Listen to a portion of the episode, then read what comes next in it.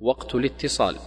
إذا كان لك حاجة في الاتصال فاذكر أن للناس اشغالا وحاجات ولهم أوقات طعام وأوقات نوم وراحة فهم والحال ما ذكر أولى بالعذر منك لضرورة أو حاجة.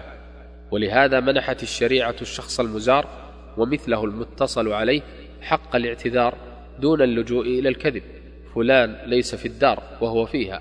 قال الله تعالى وإن قيل لكم ارجعوا فارجعوا هو أزكى لكم. فعليك تحري الوقت المناسب مراعيا ظروف العمل وارتباطات أخيك وما عليه من واجبات ومسؤوليات ومراعيا ما لدى أهل البيت من أوقات نوم وراحة وطعام. وانظر كيف أمرت الشريعة الأرقاء والصغار بالاستئذان في ثلاثة أوقات قبل صلاة الفجر ووقت الظهيرة وبعد صلاة العشاء.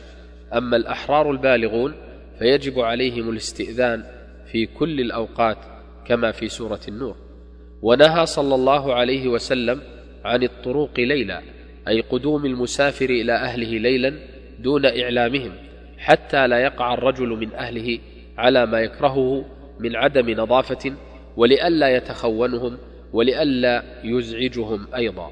والخلاصة وظف حسن التعامل مراعيا الوقت المناسب وإذا اعتذر منك إلى وقت آخر فاقبل بانشراح صدر. وإذا قيل انتظر فانتظر وأنت منعم البال غير متبرم.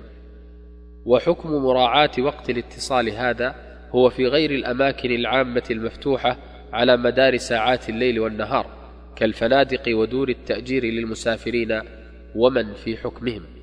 وهذا مستفاد من الاستثناء في آية الاستئذان. ليس عليكم جناح أن تدخلوا بيوتا غير مسكونة فيها متاع لكم والله يعلم ما تبدون وما تكتمون.